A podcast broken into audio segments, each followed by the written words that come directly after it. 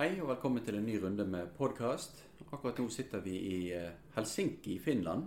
Eh, sammen med meg så har jeg Olav Tvedt.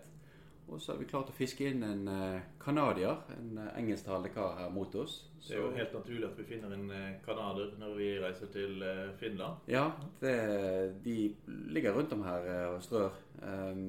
Og egentlig håpte vi å fortsette denne podkasten på norsk. Eh, vi har jo store ambisjoner om å lære, lære mennesker nye ting. Og, og for en canadier til å snakke norsk må jo da være et stort mål for oss i podkastgjengen. Men det tok jo litt lengre tid enn vi hadde trodd. Ja, så dag tre, og vi fremdeles ikke har klart å få han til å si annet enn kjøttkaker, så um, har vi nå Vi har også lært han smale hodet. Ja, vi har lært han smale hodet. Det er for så vidt sant.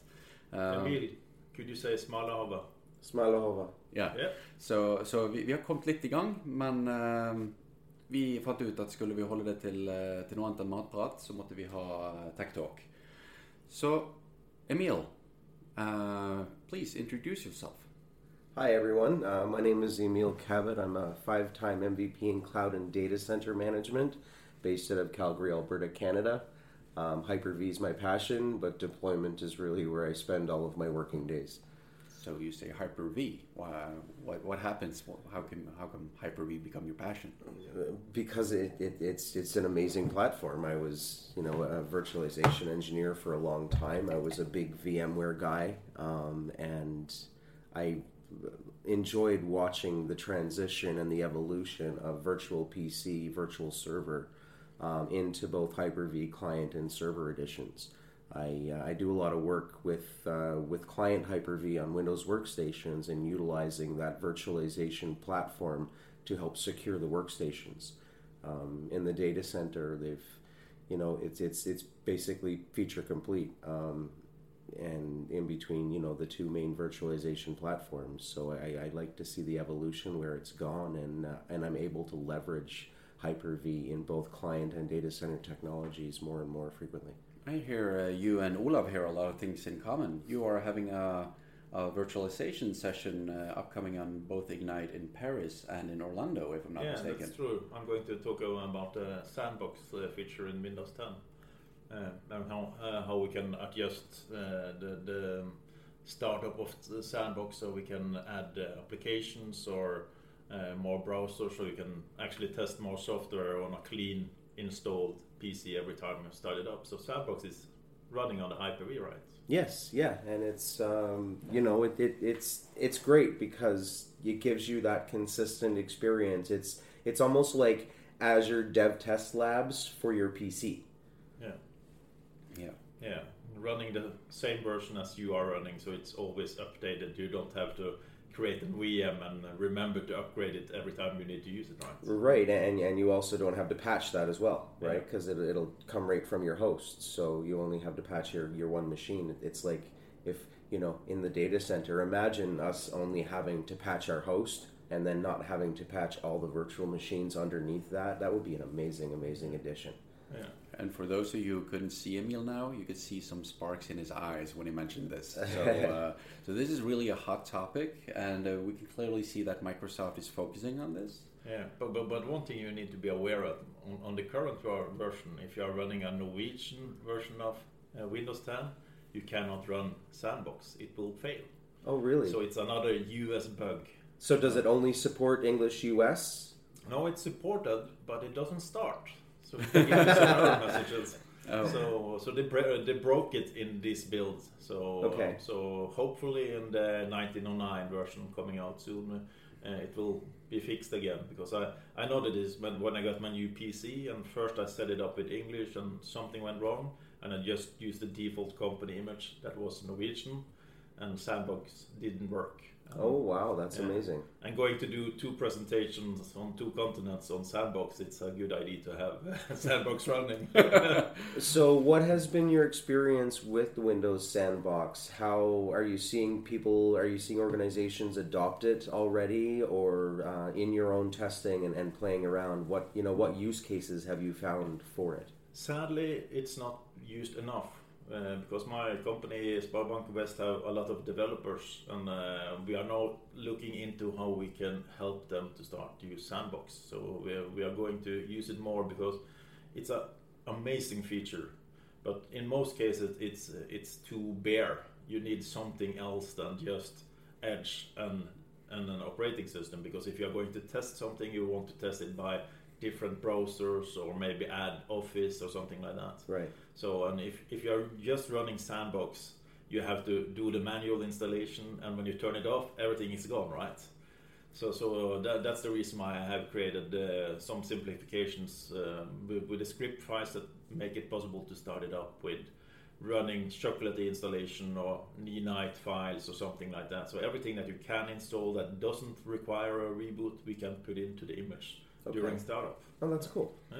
And th- this is something that more companies really should look into because you have a, a company uh, uh, business critical application and you want to test it before you deploy it. What's better than testing it on the operating system you're actually using? Yeah, and, Exactly. and a clean one. And a clean one, yeah, And and not fearing breaking your production workstation. that's Yeah. true. So you can test just this one specific application or set of applications if you want to do a batch install and you have a clean environment. And and uh, the best thing is that once you run uh, Sandbox first time, the second boot and every consequent boot is about 14 seconds or less. Yeah, So it's really, really fast. Yeah. Of course, if you install uh, additional applications, you will be, use some more time, but but the good thing, as you said, the first time it, it takes some time to build up uh, the partition it creates and uh, Mm. and uh, start to use the features. But uh, after uh, the first boot up, it's it's a quick uh, Yeah. way of testing stuff. and even compared to creating a VM, it's still faster than. So And so now with the semi-annual channel releases of Windows 10, um, I've been seeing that as new builds come out, uh, we're starting to see some application compatibility issues that didn't exist in previous versions of even Windows 10. So this will actually probably be a very good solution in the enterprise for testing uh, corporate applications against the next build of Windows Yeah. right? Included in a user acceptance test to have the sandbox. So when they get their new upgrade of Windows 10, um, they don't need to go through and continuously reconfigure their own machine. They can use these sandboxes to test their applications. Yeah, yeah, Cool. and uh, it's also a nice way to try out uh, if if you want to run just for the sake of argument, say that you don't want to have email or any uh, uh, external client activity on your host. You can also run those installations and have that accessed from your sandbox, which again protects you from malware. Right. Um, and uh, this is one of your areas of expertise. So, how does virtual machine and virtual computing help companies and, and individuals from from uh, cyber attacks and malwares? So what they're able to do is utilizing the Hyper-V layer, which sits very, very low on the operating system, um, and combining that with access to the TPM chip, the Trusted Platform module, we're able to store um, things like credentials now inside of a virtualized instance. It's almost a little VM that runs on your machine that just stores your credentials. And uh, as we've seen this week, we're here in Helsinki. We were at, at Sami Laiho's um, birthday conference. yeah. And we had a session um, that was done by um, Polly Anoskowitz. And did I pronounce that right? Uh, I think so. Okay. Yeah, think so. Yes. Paula J. Anyway, um, and she was showing how easy it is to expose passwords inside of, of Windows and inside of Chrome browsers. And, um, you know, just without having credentials on the machine, once, once you have access to it, physical access to it, uh, you can get in and not just see the domain credentials, but also all the stored credentials um, inside the browser that you may not even know are stored passwords. Yeah, it's, And- it's quite scary. Right. So so what Hyper-V does in this instance is takes those credentials and stores them into the virtualization layer and so they're not on your machine at all. When you go to and you whack whack into a server, for example, to get into a file share, um, the system first ensures that the resource you're trying to connect to is an Active Directory approved um, system, and then the virtualization layer will pass the credentials directly to the server that you're trying to connect to, completely bypassing your local host. So once you type your password and log into your machine, those passwords are then taken off the machine and stored elsewhere. And and it's kind of the same thing if you run, uh, for the sake of argument, if you want to have a Chrome browser uh, instance and save all your password, you just sign into Chrome in Sandbox, and then all your cache credentials and synchronized passwords aren't stored in your host. Exactly. Yeah. So you, you are already there you have. Uh, it, it, takes a couple of seconds extra to fire up the, the virtual machine to do to do the first in, initialization and sign into the browser, and you have a seamless experience that's secure. Yeah. Yeah. Yeah and that's also a use of the sandbox because if if you are going into a website that you need to maintain security on, it's actually better to use the sandbox because when you shut down sandbox, everything is gone. Yeah. So there's no trace left nowhere that you have had a password. So even though you forget yourself and remember me, uh, it will forget right, and and and another um, another feature that we get on Windows 10 utilizing Hyper-V is Application Guard. So Application Guard will launch the browser inside of a protected virtual machine that again has no access or configured access to the machine, and it's very very intelligent. The as long as you're uh, utilizing Edge or Chrome as your default browser, Edge or, or Chrome Edge, or Internet Explorer, I guess, as your default browser, um, you can control a whitelist and for your enterprise. So you can control the list of websites that your employees are to go to as part of work, internal websites, um, third-party sites like Salesforce, and then anything that's not inside of those um, that approved list. When the user clicks on a link in their email that takes them to CNN.com, for example, it will open up that session dynamically into uh, that protected application guard setting. And that browser is now completely isolated from the operating system. There's no access to files or systems. So, this is a very, very good prevention method for phishing attacks. Because what we see with phishing attacks is you'll send an email out to an organization uh, with malicious intent. And you'll say, hey, check this link. And the link will reference, let's say, CNN.com, but the embedded HTML link for uh, in that email actually goes to something else. So what happens is when they click on on that link, it opens up the browser. It first connects to the malicious site, injects code, and then very very quickly forwards you over to that CNN article. So unless you were being very very cautious, when you click that link, you won't see the redirection and you won't see that that um, hijack attempt come through. So this will prevent this from happening. How do you see this uh, this trend in, in your perspective? Is this something that is increasing? Are we uh, exposing our users to more of those kind of attacks? It is, and it's um, unfortunately it's very very hard to protect against a lot of these things in advance or proactively because the definitions behind these these vulnerabilities, these attacks, or I guess it's not a vulnerability, but these attacks are morphing and changing so frequently that the common antivirus solutions effectively can't keep up because every time an individual clicks on that link it's actually spawning a completely different infection, and it's not anything that um, antivirus has seen before. So unless you're utilizing, you know, behavioral analytics to to actually assess these threats, then you won't know in early enough, right? So by the time we found out, the credentials have already been compromised. So how is the how is it for companies like for instance, uh, ransomware.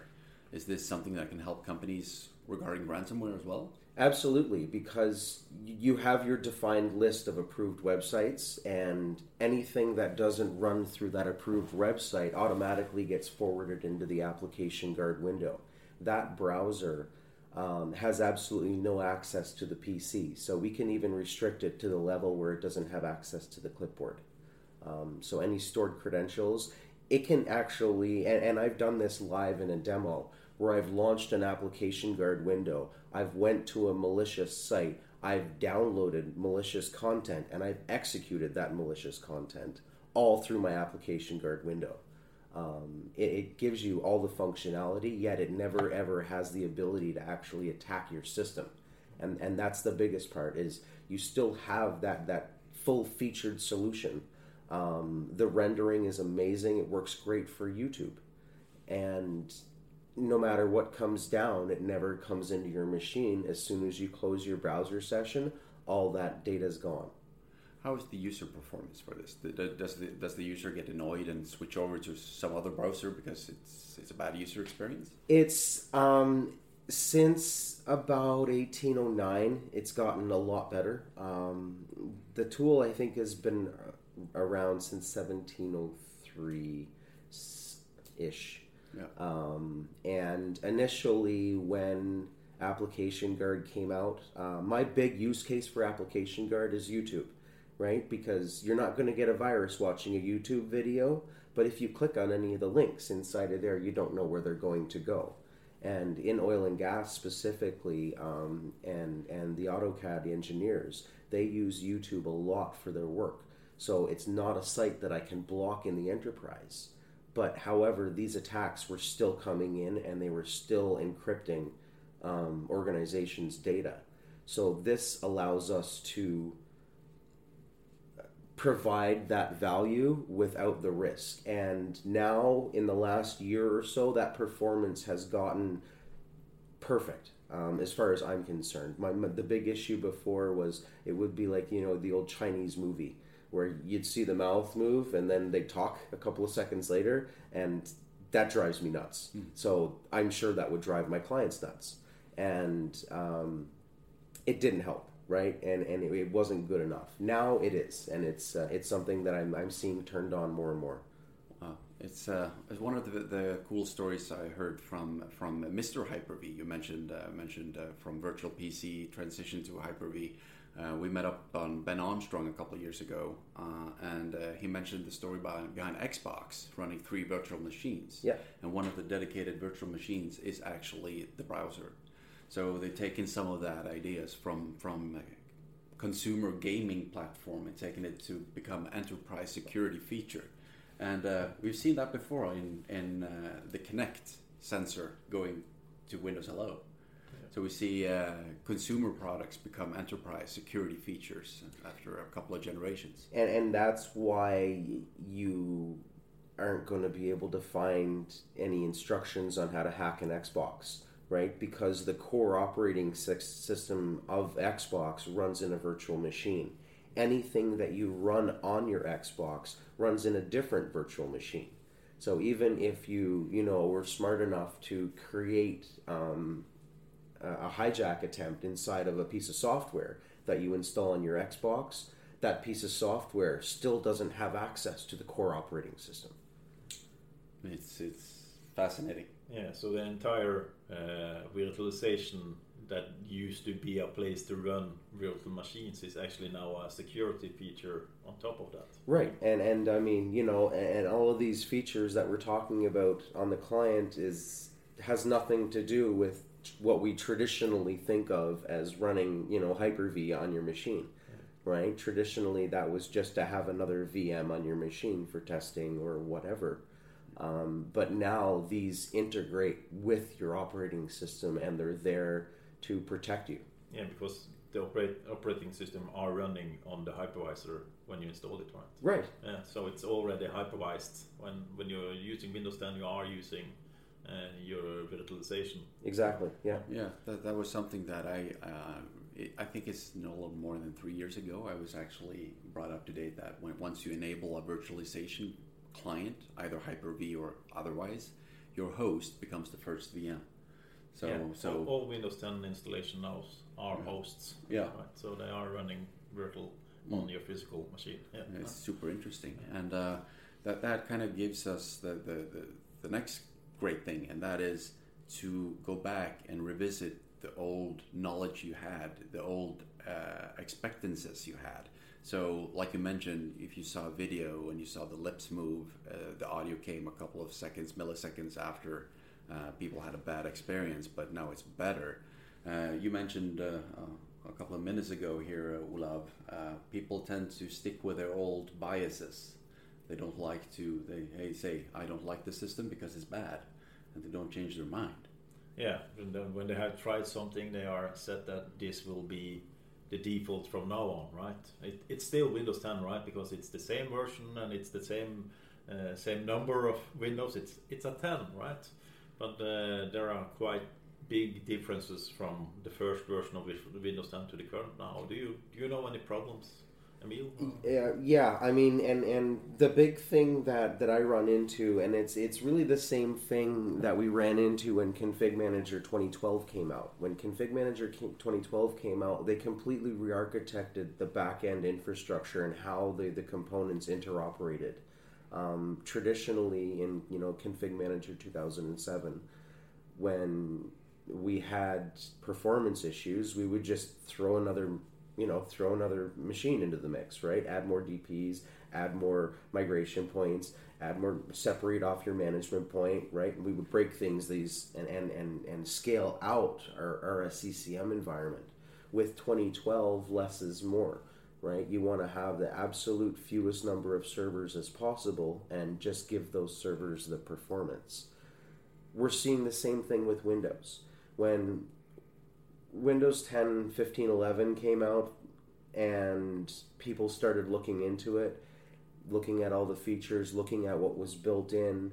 Um, organizations made decisions then on what to include and exclude on Windows 10.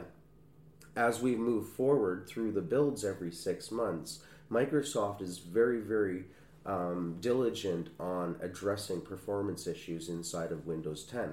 So even between 1511 and 1607, for example, um, the login time was cut by half, right? And that continues to get reduced with every build of Windows. What I'm seeing in the enterprise is the people that build the gold images aren't going back and checking each one of these things with every build of Windows to find out what changes and what improvements have been made. They're just turning them off um, really without knowing what they're turning off anymore. Yeah, because they used to do it, so let's continue to do it. Exactly, because that that's yeah. how we had to do it three years ago. So let's not change it now. If it's not broke, don't fix it. Yeah. Hmm. And that's one of the best stories I've heard uh, heard on that was was from you, Olav, and that's uh, people having. Uh, scripts and policies to disable all of those end user uh, consumer apps in Windows 10. So you fire up a consumer PC or a business PC, and you get Candy Crush, you get uh, My World of Tanks, you get all of those games and, and all those uh, non-enterprisey apps installed, mm-hmm. and then all of a sudden Microsoft says, "Hey, if you if you join this PC to a domain or Azure AD uh, by boot up, it's not going to be installed," and uh, still companies are having policies to remove them yeah. and not adding them. There are a lot of policies that should be removed because uh, you, you created policies for certain uh, needs during the history of your mm-hmm. Active Directory, and you never clean up. You never get rid of the old policies, the old settings. So there are a lot of settings that can break the machine, right? So so you, you need to be careful with group policies and the settings. So get rid of the unnecessary policy setting and make sure that you actually need to do something of the configuration before you do it. I was working with a client last year and we were going through their task sequence and seeing what they were actually building into their machine as, as they deployed it. And one of the applications that they had was VLC Media Player. And VLC Media Player has been around for a long time. Great product. Um, it's free. And uh, it, it, was strange that I seen it in their main task sequence to, to get deployed to all machines. And, and I asked the client, I said, you know, why are you deploying um, VLC media player to all of your machines? And they said, well, because the the Windows media player sucks. And I fully agree with that, but we have this thing in Windows 10 that's called Groove. And they were turning them off because the PowerShell to remove the Groove app is called Zune. So they seen Zune in the list of applications And when everybody hears Zune, what do we think of? That old big box MP3 player that Microsoft put out years ago, and for maybe six months because nobody bought it. I love my Right? Zune player.